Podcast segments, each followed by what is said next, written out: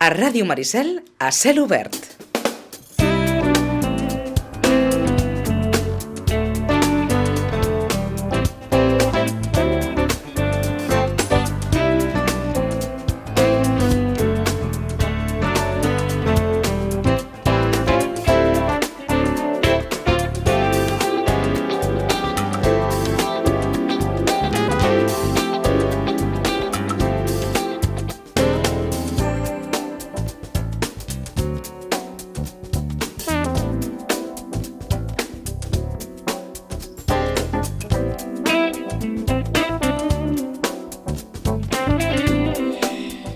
Dos d'agost, ple estiu. No es pensin, però, que ens sembla que d'aquí 15 dies, a mitjans d'agost, a les llibreries ja començarà a caure aquell petit degoteig d'informacions que apuntaran a les novetats que apareixeran al mes de setembre, perquè tot va, tot va tan ràpid que ens sembla que les vacances, vacances en el món editorial són també unes vacances eh, molt curtes. Rosana, bon dia i bona hora. Hola, molt bon dia. Eh, a mitjans d'agost és molt probable que ja us comencin a arribar notícies del que passarà a setembre, no? Sí, de fet tenim notícies, eh, de fet el dia 29 comença tot ja. El 29 comencen a treure totes les novetats, o sigui que començarem la cursa ja cap, a, eh, cap al setembre. I, eh? I en aquesta cursa que començarà al setembre s'apunta ja algun nom? Sí. Sí? Uf, un munt, un munt. Un munt. Des de... Bé, el dia 12 de setembre surt, eh, o sigui, tot just després de la diada surt una columna de foc, eh, de la tercera part dels Pilares de la Tierra, del Ken Follett. Uh -huh. Per tant, és una, una fita d'aquelles de dir, bueno, molta gent es va enganxar amb els Pilares de la Tierra, jo crec que és un dels llibres més llegits o més comentats, diguéssim, i ara doncs surt la tercera part. Ja s'havia enganxat amb unes altres sagues del Ken Follett i ara retorna al seu gran èxit i retorna a, bé, a aquella construcció d'aquella catedral, etc i Mhm. retorna amb, amb aquell llibre que, que, vaja, que de tots és el més venut. Eh, entenem, Rosana, que sortirà en català i en castellà, no? Sí, sí, sí. Sí. sí, sí. Jo he dit en català, però surt en català i en castellà alhora. Ahà. És de la mateixa, diguéssim, el mateix grup editorial, amb Rosa dels Vents i Passejaners, i per tant surt el mateix dia. Eh? O sigui que això serà veritablement un, un, un començament de curs Sí. amb tota, la, Important, amb tota la càrrega posada, eh? Exacte, sí, sí, important, perquè ja et dic que és un és d'aquells llibres que dius, bueno, mm, quan, quan surti, suposo Mhm. que la premsa se'n farà molta ressò, saps? És el típic llibre que sí que la realitat, saps? Que, bé, l'estan esperant, eh? l'estan esperant, però, vaja, ja veurem, eh? Mhm. També, evidentment, un altre, un altre ordre de coses, Vinga. doncs surt el Paul Auster. Paul Auster amb aquest 4321. I tu dius, bueno, eh? 4321, un llibre, mm, bé, és un totxo, més de 700 pàgines, i la veritat és que està previst que surti a finals d'agost. Ja veurem si respecten la data, però en Mhm. principi sí, el 29 d'agost, el que et deia, no? Sí. El 29 d'agost ja diuen que surten les primeres novetats i aquest serà també un dels primers llibres a aparèixer. Eh? I, que... I se sap a què fa referència, aquest compte enrere? No, la No. eh, t'haig de dir que en- he promès a l'editora que ja el tindré llegit, o sigui que Sí. jo la setmana que ve ja més o menys sí que et podré dir, uh, el més me l'he mirat per sobre i llavors he vist, bueno, tot xulo, i he vist que, que jo crec que ens agradarà amb els que ens agrada l'Auster, vale? però que la gent que li agrada aquells que hi hagi molta diàleg, mm, que no escolleixin aquest llibre, D'acord. perquè no n'hi ha gens. Vull dir que... Vinga, ja, ja, és una, ja és una forma de- d'apuntar al Sí, possible sí, lector, eh? Sí, sí, vull dir, només vaig llegir que, doncs, eh, saps, el protagonista es diu Faber, el, Faber, eh? I, bueno, i penso que té molt bona pinta, eh? Mhm. Té molt bona pinta a Nova York, a, al darrere de la fotografia, per tant, té- aquell serà un llibre d'Auster, Auster, el que passa que s'ha passat de mida, eh? Perquè jo diria que és dels més Uh, dels més gruixuts que vist de l'Auster, eh? Que... Però vaja, ja ho veurem, eh? Ja ho Mhm. veurem. Jo la veritat és que volia llegir en anglès, no ho he fet, per tant em passaré ja a la versió directa en català. D'acord. O sigui 4, que- 3, 2, 1. u. 29 d'agost. 29 d'agost. 29 d'agost. Vinga, què Molt, més, molt què més hi podem posar aquí en aquestes Doncs mira, previsions? molt, molt, molt a propet surt també eh, l'Almudena Grandes. Ahà. O sigui que traurà el quart títol de d'aquesta història de la Guerra Civil, saps que està fent aquesta història de la Guerra Sí. Civil ella, i um, es diu Los pacientes del doctor García. Eh? Um, una història, tornarem, doncs cada vegada anem una mica més cap aquí, eh? a l'última ens vam quedar al 45, per tant anem, anem tirant cap endavant, uh, és una història de postguerra, evidentment, i el que encara no, tampoc no l'he llegit i per tant tampoc no us puc dir massa, però sí que apunta doncs, que tots els que s'hem llegit, eh, que vam començar amb Inés i l'Alegria, vam continuar amb el lector de Julio Verne i les tres bodes de Manolita, ara estem esperant aquest, les pacients del doctor García. Eh? També un, un llibre amb moltes pàgines també, també us ho diem, un dels més dobles, però de fet i ella ja ens té acostumats, menys el del lector de Julio Verne, tots tres eren tres volums, eh, bueno, són tres volums allò amb molta pàgina per poder disfrutar-la molt a l'Almudena. Uh -huh. Em vols afegir algun més a aquesta llista de Bueno, previsions? de fet, de fet, al setembre no, però sabeu tots que, que ja s'està preparant el llançament mundial perquè es farà a Barcelona Sí. del darrer llibre del Dan Brown. I aquesta sí que és una gran aposta perquè a l'octubre, aquest sortirà a l'octubre per això, eh? Uh I la -huh. veritat és que, bé, és un munt de llibres que tenim aquí i si vols el, el la setmana que ve continuem fent més apostes perquè n'hi ha moltíssimes. Eh? D'acord, no, no se'n sap, no se'n sap gran cosa més d'aquell llançament mundial? No, No. no, no, aquest, aquest sí que uh, tothom que diu, bueno, i tothom me l'ha dit, et diu, és impossible, aquest no us el donarem a llegir perquè està, saps allò, com a molt, molt, molt aferrat que ningú no llegeixi el llibre, no facin crítiques abans, etc etc. No ho sé, de moment només sé això. Eh? Potser, com que ara els tenim tots de vacances, tots els editors han marxat de vacances Ahà. fins a la darrera setmana, això sí que abans es notava que només que entraven al setembre, ara tothom, la darrera setmana d'agost, tothom hi està treballant. Uh -huh. Doncs Suposo que... que per això, perquè hi ha els llançaments, saps, allò de, de començament de, de temporada. Eh? Uh -huh. Doncs que tothom sàpiga que, eh, almenys, diuen les notes que Editorial Planeta publicarà el 26 de setembre del 2017 la nova novel·la de Dan Brown. Mm -hmm. 26 de setembre. Sí, sigui, que, La nova novel·la ja no de- les primeres novetats, però que Ahà. sí, ja és la, ja apunta ja les, la segona tongada, Uh diguéssim, -huh. eh? en, en, el, en la seva versió original anglesa es titula Origin, la novel·la. Sí, sí, sí. Per tant, Origen. Qui algú, vaja, qui vulgui fer ja més o menys, o vaja, qui vulgui fer cartera, perquè perquè acabes de donar allò 3-4 noms d'aquells que tenen molts seguidors, Dan Brown presentarà la seva novel·la a Barcelona, presentació mundial de Origin. Això serà, com els dèiem, el 26 finals de setembre. Finals de setembre, principis d'octubre. Hem de suposar que l'editorial depèn, no sé si li convé més, la setmana abans de l'1 d'octubre o la setmana després, però, però Sí, ha escollit una data, sí. t'has escollit allò a la data, sí, eh? Mm, saps, és allò, se'ls havia- hi ha posat a sobre la...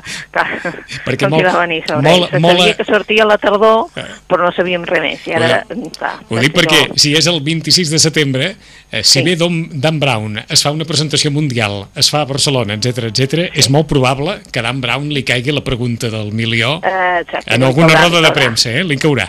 Li caurà. Li Home, caurà. És, és que si ve aquestes dates li caurà, eh? Perquè, vaja, venir que no et caigui Seria, és bastant difícil. seria molt eh? estrany, eh? Seria doncs, estrany, seria doncs diem d'entrada aquests quatre títols que ens ha apuntat la, la Rosana, el que arribarà primer el 29 d'agost, de Paul Auster 4321, llibre de més de 700 pàgines amb tota l'essència d'un dels autors eh, més, més valorats pels, pels seus lectors. 12 de setembre, una columna de foc, la tercera part de Los Pilares de la Tierra de Ken Follett, per tant, només iniciar el curs escolar, els lectors tindran ja un altre esquer molt motivador, amb una columna de foc.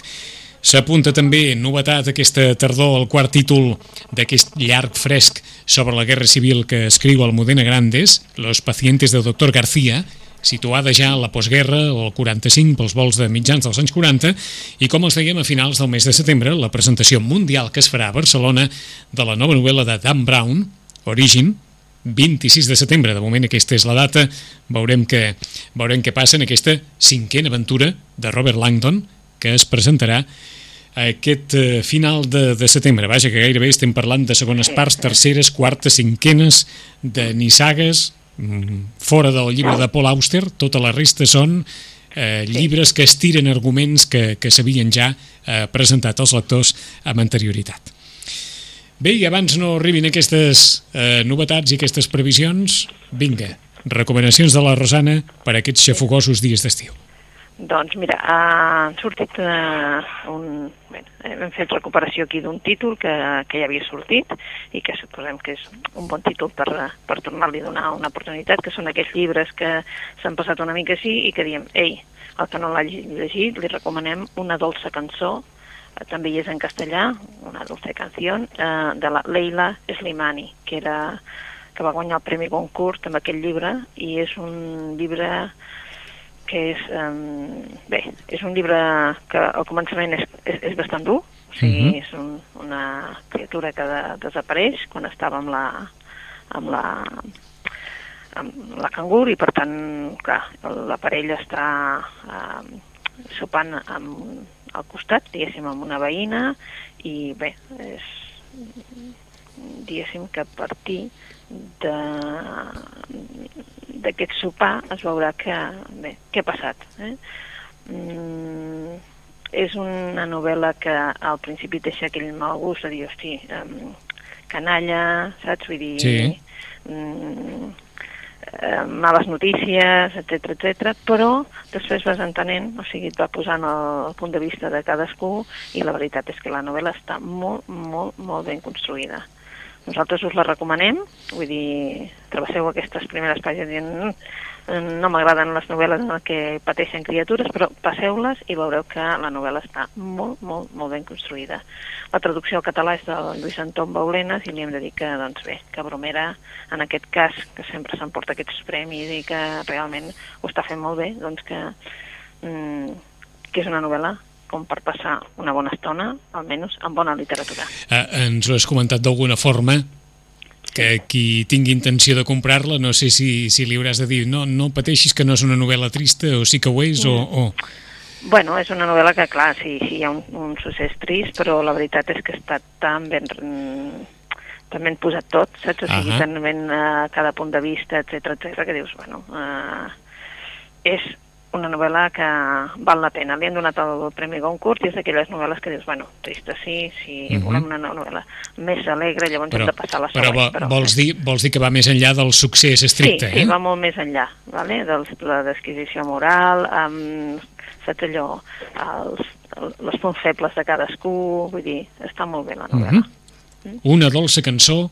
de Leila Slimani, Slimani. Premi Goncourt, recomanació per aquests dies.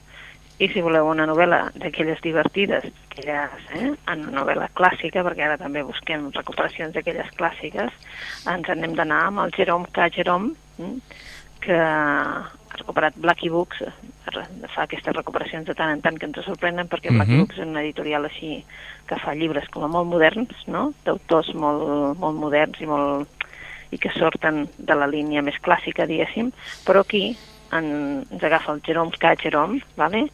um, que és un clàssic de, de l'humor anglès, diguéssim, i ens provoca tres homes en una barca per no parlar del gos.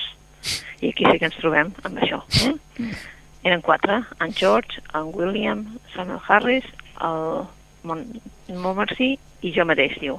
Asseguts en la meva habitació, fumàvem i parlàvem de com ens trobàvem de malament eh? malament des d'un punt de vista mèdic, vol dir, eh?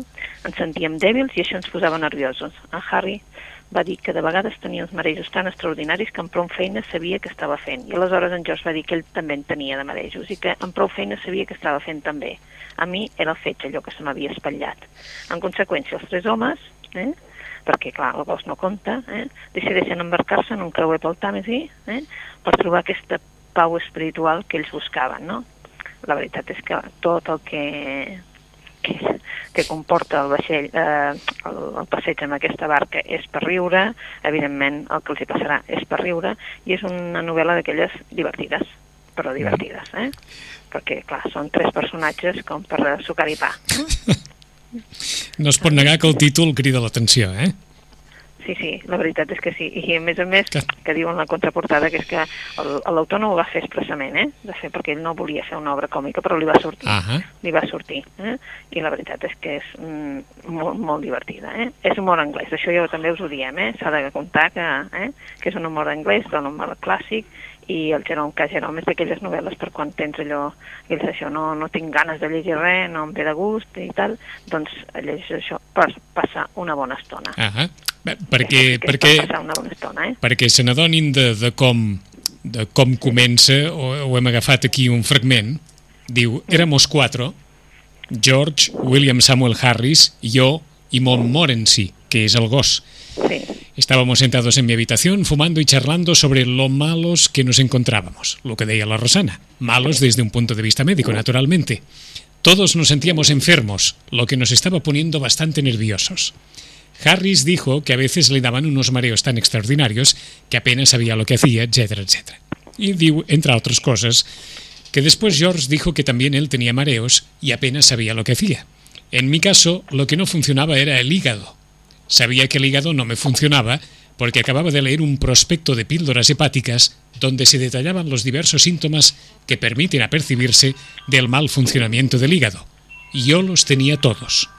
Aunque parezca realmente extraordinario, jamás he leído un prospecto farmacéutico sin llegar inevitablemente a la conclusión de que padezco la enfermedad allí descrita.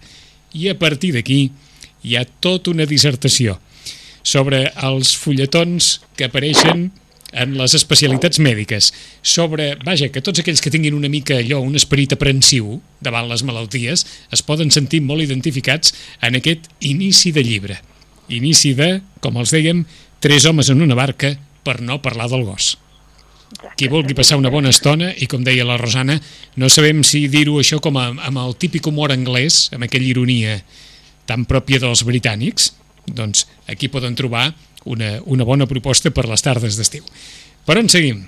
Per on seguim? Doncs bé, mm, doncs si aquells que els agradi més doncs, eh, eh, la novel·la gràfica o per dir-ho d'alguna manera també la novel·la mm, tipus còmic, no?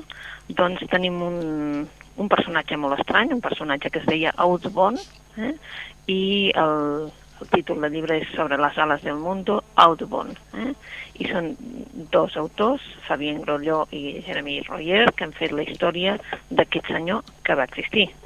Qui era aquest senyor? Doncs va ser un senyor bastant eh, estrany en el sentit de, de, des del punt de vista de que ell tenia un somni i el va complir. Eh? Um, és un senyor que va, va néixer a França, que se'n va anar cap als Estats Units perquè el seu somni era pintar i catalogar tots els ocells de Nord-Amèrica. I quan dic tots els ocells vol dir tots els ocells. Ah Eh, llavors, clar, és un pintor que s'han conservat les, les planxes de tot el que va fer, i, però clar, per, per, per tenir, estem parlant del segle XIX, doncs per tenir tots els ocells catalogats de Nord-Amèrica, vol dir que se n'havia d'anar a Nord-Amèrica, al segle XIX, i fer doncs, aquesta recerca de tots els ocells. Ara- Clar, va tenir un munt d'aventures que ja us ho podeu imaginar. Ara, ara faríem un parèntesi. Naturalistes que ens pugueu escoltar, o aimants de la natura, o de l'ornitologia, només la portada d'aquest llibre ja us hauria de cridar l'atenció per emportar-vos a la casa. Eh que sí? Oh, i tant, oh, i tant. És preciosa. Eh? És preciosa, és una portada preciosa. Sí, Preciosa, maquíssima. Sí, doncs eh, a mi m'ha passat com em va passar amb el, a els últims dies de Stefan Zweig. Ahà. Vaig enamorar d'aquell còmic només per la portada i de dintre ja és que, a part de la història, no? perquè la història és la història dels últims dies de l'Stefan Zweig i llavors eh, t'enamores, és la manera de com, saps, els colors, doncs, el traç, tot. I aquí et passa això, no? Que és eh, ell que el veus des de, bueno, que totes les seves aventures per arribar a catalogar també com doncs, la seva dona o qui, qui el segueix i qui no el segueix, totes les peripècies que ha de passar, perquè esclar, la gent no pot entendre gaire i llavors es posen problemes, etc etc. però ell aconsegueix doncs, la seva, el seu somni, que era catalogar els ocells. Uh, és un llibre, doncs, això, per disfrutar-lo, sobretot aquells que els agraden uh, els ocells, però a més a més per conèixer un personatge, un personatge tan curiós com aquest Audubon. Ens diuen les notes del llibre que aquest llibre fou guardonat amb el Premi al Còmic Geogràfic 2016, concedit al Festival Internacional de Geografia. Literalment, per, per bé, per tot el que hi ha en aquesta obra i per tot el que reprodueix aquesta obra, entre altres coses, perquè explica eh, com Audubon es va haver de- d'enfrontar en, en condicions, a vegades literalment dantesques, així ho defineix la, les notes del llibre, a aquesta recerca de tots els ocells de Nord-Amèrica. El defineixen com l'ornitòleg i explorador més emblemàtic del segle XIX. J.J. Audubon, que és el protagonista d'aquest llibre sobre les ales del mundo Audubon, de Groló i Royer, editat per Norma Editorial, que és conegudíssima eh, en el món dels còmics. Doncs, bueno, doncs si i aquell que em deixa que diguis que jo a l'estiu em costa llegir perquè doncs tenim un llibre de contes molt curts que es diu Nocturns de Tramentina de la Diana Lluís. Uh Mhm. -huh. llavors està il·lustrat, està il·lustrat per la Mònica Bonet i el que tenim doncs són tota una sèrie de contes, no? Eh, alguns bastant bojos, eh? alguns mm, diríem estrambòtics o, o alguns sarcàstics. Eh? Um, al final eh, el que trobes és un conte doncs, graciós o que t'aporta alguna cosa que dius, bueno, hi ha gent així mig, mig estrambòtica o mig boja mm? i en podem llegir qualsevol. Eh? Uh, hi ha des del que diu menotècnia, vull dir que trobareu un senyor que s'ha de posar pòsits mm? per en recordar-se'n de les coses eh, que ha de fer, llavors des de comprar cebes fins a trucar no sé qui, i ell va omplint de pòsits eh, no només la taula de, de, del seu despatx, sinó que, clar, es posa a la cuina, es pot posar al passadís, es pot posar eh, en qualsevol lloc de la casa i arriba un moment que, evidentment, això, si convius amb algú, pot ser una mica un problema, eh? Què li passa doncs, quan un dia doncs, arriba a casa seva i com se troba tots els, els pòsits? Eh? Um, en tenim de, de molt bonic com el desig, eh? o com a, el que està bé és que cada un dels contes no, no té més de dues pàgines, el que fa que, doncs, bueno, si l'agafes d'aquella manera que estàs mig adormit, etc., doncs um, acabes molt ràpid qualsevol conte i això t'engresca a llegir-ne un mes, llegir-ne un mes, llegir-ne un mes. Uh, està bé, són de l'editorial Gregal i hi ha alguns que són relats i per tant són una miqueta més llargs, però uh -huh. vaja, són d'aquells que no te n'adones i has llegit tot el llibre i que la, el- la majoria et fan com a mínim acabar amb un somriure a la cara, que ja és bo. Eh? Vaja, que per qui es cansi aviat de llegir té una bona proposta aquí, eh? Exacte, perquè és, és allò de dir, és que es cansa molt de seguida que llegeix, doncs dius, bueno, doncs és el típic llibre que dius, bueno, de què parla? De tot i no res, eh? De tot i no res, i llavors alguns dius, bueno, alguns podrien ser reals, sí, sí, alguns podrien ser reals, però en realitat, doncs, eh, si tenen base real o no, això ja ho descobrirem Mhm. quan llegim el llibre, o potser són situacions que tu has viscut i també et, sembla més reals, però en definitiva aquest Nocturns de Trementina és una bona proposta per dir, per aquells que els agrada llegir mm, 5 minuts abans d'anar a dormir, Ahà. doncs és això. Doncs 50 contes nocturns de Trementina d'Ariadna Lluís. I com diuen les notes dels llibres, i ens ho comentava la Rosana, bojos, fantàstics, estrambòtics, sarcàstics, alegres, naïfs, una miqueta de tot. I aquí. Per on seguim? Seguir, per, per exemple, amb el, un, un de, d'així d'aventura, que seria uh, La porta de les tiniebles, de Glenn Cooper, que em sembla que encara no l'havien comentat, No. perquè és una de les últimes propostes d'aquest estiu que, que ha arribat. Eh? Um, aquest és uh, aquells uh, lectors que els agrada doncs, una mica d'història, una mica d'acció, una mica d'aventura, una mica d'intriga. Um, segurament el recordaran a Glenn Cooper perquè un dels llibres més famosos seus és La Biblioteca de los Muertos, que ja fa uns anys que la va publicar i aquella va ser un èxit a tots nivells. Eh? Després això va continuar amb el Llibre de les Almes i el Fin de les Escribes, però a part d'aquestes trilogies n'ha escrit una altra i una altra i així ara arribem a aquesta de la Porta de les Tiniebles, que és una segona entrega, que ja va començar fa res, eh? fa 4 o 5 mesos va sortir Condenados Uh -huh. i ara ja ha sortit aquesta. Llegim que ha de ser una trilogia, això, eh?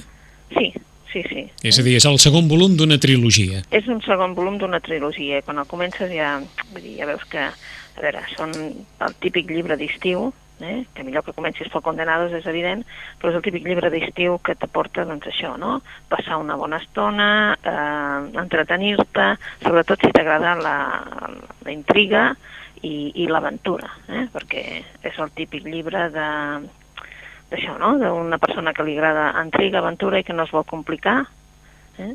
Mm, doncs eh, aquest és el llibre. Eh? Mhm. És un món aquell que podria ser eh, com el nostre, però en definitiva mm, els personatges que l'habiten no són, diguéssim, per sort, els que ens eh, tenim al nostre costat. I per tant, eh, um, és un, com un infern allò i el que, el, que, el que tu vols és tornar, tornar al teu món eh? és un, per això diu la porta de les tiniebles perquè seria aquesta porta per tornar mm?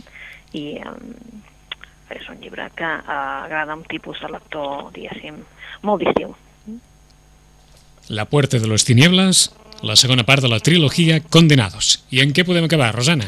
Doncs bé, eh, jo recomanaria un autor més que un llibre, perquè l'últim llibre eh, és mm, policia, la set, perdona, però ara s'han fet una edició de tots els llibres en butxaca del John Esbo. El que no Mhm. coneixia el Harry Hall, eh, li hem de dir que s'està perdent un bon, eh, un bon detectiu, per no dir inspector de, de... és un policia, i el John Esbo, eh, aquí la veritat és que el vam conèixer arrel d'uns llibres que es va publicar a RBA, i, però que no eren els primers de la sèrie. I ara, eh, Random, o sigui, la, l'editorial de Penguin House, Random Mondadori, el que ha fet és publicar-los absolutament tots. El primer el ratpenat, després eh, els escarbats, i els tenim en butxaca en català i en butxaca en castellà. És a dir, és un bon moment per dir Caram. un llibre per portar a la piscina, doncs pues aquest. Eh? Si voleu començar amb la història de, de Harry Hall, que és aquest personatge, diguem-ne que clar, és literatura nòrdica, eh? també us ho diem, és literatura nòrdica, en alguns dels llibres passa molt fred i ara us diríem que si agafeu el ninot de neu, ara seria el moment perquè com que fa tant fred, tu dius, oh, que bé, no? Oh, que bé.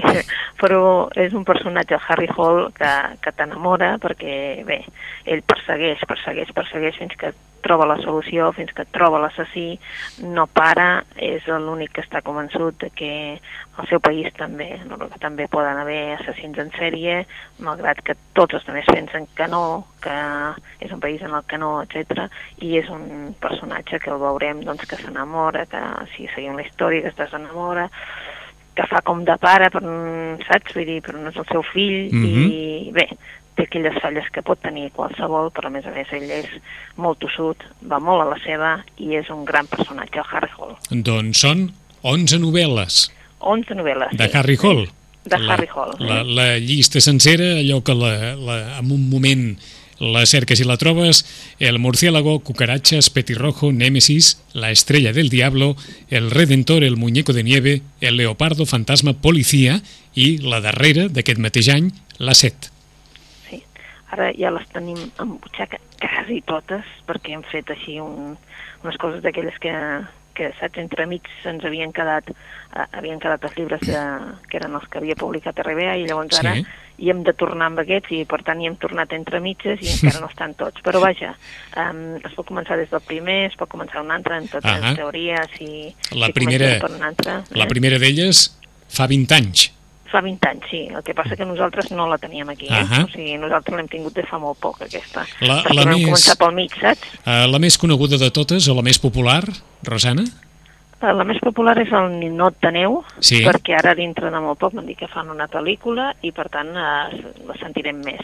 Uh, ara, també t'ho dic, tu llegeixes Ninot de Neu i com a dona, tu no, però jo com a dona ja he decidit que mai a la meva porta vull un Ninot de Neu. Mai, eh? Perquè si veus un ninot de neu a la teva porta ja comença a córrer i posa't en un lloc que vaja, que estiguis molt ben controlada per tothom perquè no, no, no acaba bé la cosa. Queda saps? clar. O sigui que, eh, que vaja, és un dels, Ah, uh, saps? Vull dir, un de les mm, més emblemàtiques perquè No. és el d'un assassin en sèrie. No, no sé si dir-ho així. Ninot de neu és una bona novel·la per les tardes d'estiu? Sí, sí, sí, Sí? sí, perquè et manté despert per una... Però despert, terriblement, despert, eh? Despert, despert, Despert, eh? Que despert. si no vols dormir-te, aquesta és la novel·la. Ho diem eh? perquè de tota, de tota la llarga llista de, de novel·les que ara es poden trobar en butxaca, doncs si algú vol començar, o si, un, si algú no ha llegit mai res de, de John Esbo i vol començar per alguna, doncs si vol començar per Ninot de neu, que, que la comenci per Ninot de neu. que Es nota una mica, sí que és veritat que es nota que des de des, la primera, per exemple, el ratpenat o els escarbats, t'agraden, perquè t'agrada el personatge, però sí que es nota molta diferència, per exemple, amb el ninot de neu, que és tanta tensió que dius, bueno, és molt diferent de, de les primeres, eh? que ja estaves amb tensió, però no com aquesta, eh? Mhm. Vull dir que, que no us desanimeu si veieu que doncs, no us agrada tant la primera com, com, la, com aquesta del ninot o el, D'acord. petit, el pit roig, etc. En qualsevol cas, les podem agafar cadascuna d'elles per separat sense haver de patir res, eh? Sí, bueno, és aquelles típiques que saps que, que com tothom vam llegir el Mankel, que el vam llegir a partir de la, de la quinta mujer, vam començar a tirar enrere, endavant, doncs, per tothom se n'enteràvem, eh? doncs, igual, eh? Queda clar, igual, eh? queda clar. Queda clar, Eh, Ens faltava avui la dosi de novel·la negra. Ah, sí, de novel·la negra, i en comptes d'una ja en posem Onze. tots, eh? Tots de cop, eh? Eh, de, tota la, de tota la llarga llista de, de John Esbo, del comissari Harry Hall, doncs si volen començar per alguna, si no n'han llegit cap, eh, la, la Rosana en recomana així de cop i volta la més popular, o Ninot de neu, però acaben de sortir totes en edició de butxaca per, per Random House, o sigui que si algú hi té, hi té un interès, eh, llibre de tarda d'estiu, com deia la Rosana, per dur-se a la piscina, per emportar-se a tot arreu. I en Hem- català també hi són, eh? En català també hi ha la També. butxaca. Entesos. O sigui que sí, és una cosa que, que també va bé, saps? Perquè Mhm. dius, ah, bueno, tam tam també hi són en català i a més a més en butxaca. Eh? Perfecte, doncs en, en qualsevol, en, en català o en castellà, la, les poden trobar. La Puerta de les Tinieblas de Glenn Cooper, trilogia Encadenados, el segon volum d'aquesta trilogia. Qui vulgui lectura fàcil, ràpida, però que hi vulgui passar una bona estona, amb, diversió, amb ironia, amb una miqueta de tot, té Nocturns de Trementina de l'Ariadna Lluís. Qui vulgui novel·la gràfica, aquest llibre magnífic sobre l'ornitòleg Audubon, que ha editat Norma Còmics, sobre les ales del mundo, la història de com va arribar als Estats Units i va voler fer allò, l'inventari de totes les aus dels Estats Units, passant per totes les penúries del món. Una història eh, gràfica amb, amb, amb il·lustracions sensacionals que agradarà segurament a tots els imants de la naturalesa. És una novel·la gràfica. La Rosana també ens ha recomanat qui vulgui riure una bona estona, però amb, amb l'humor britànic de Jerome K. Jerome, Tres homes en una barca per no parlar del gos. N'hem llegit un, un fragment i la novel·la promet, promet allò, una, una estona d'aquelles de, de diversió amb, amb, molta, amb molta lògica, amb molta lògica britànica. Una dolça cançó, una novel·la, diguem-ne, dura, però no, que no juga als tòpics, sinó que va més enllà. Una dolça cançó de, de Leila Slimani, Premi Goncourt, aquesta història que comença a partir d'una criatura que desapareix quan estava amb la seva cangur.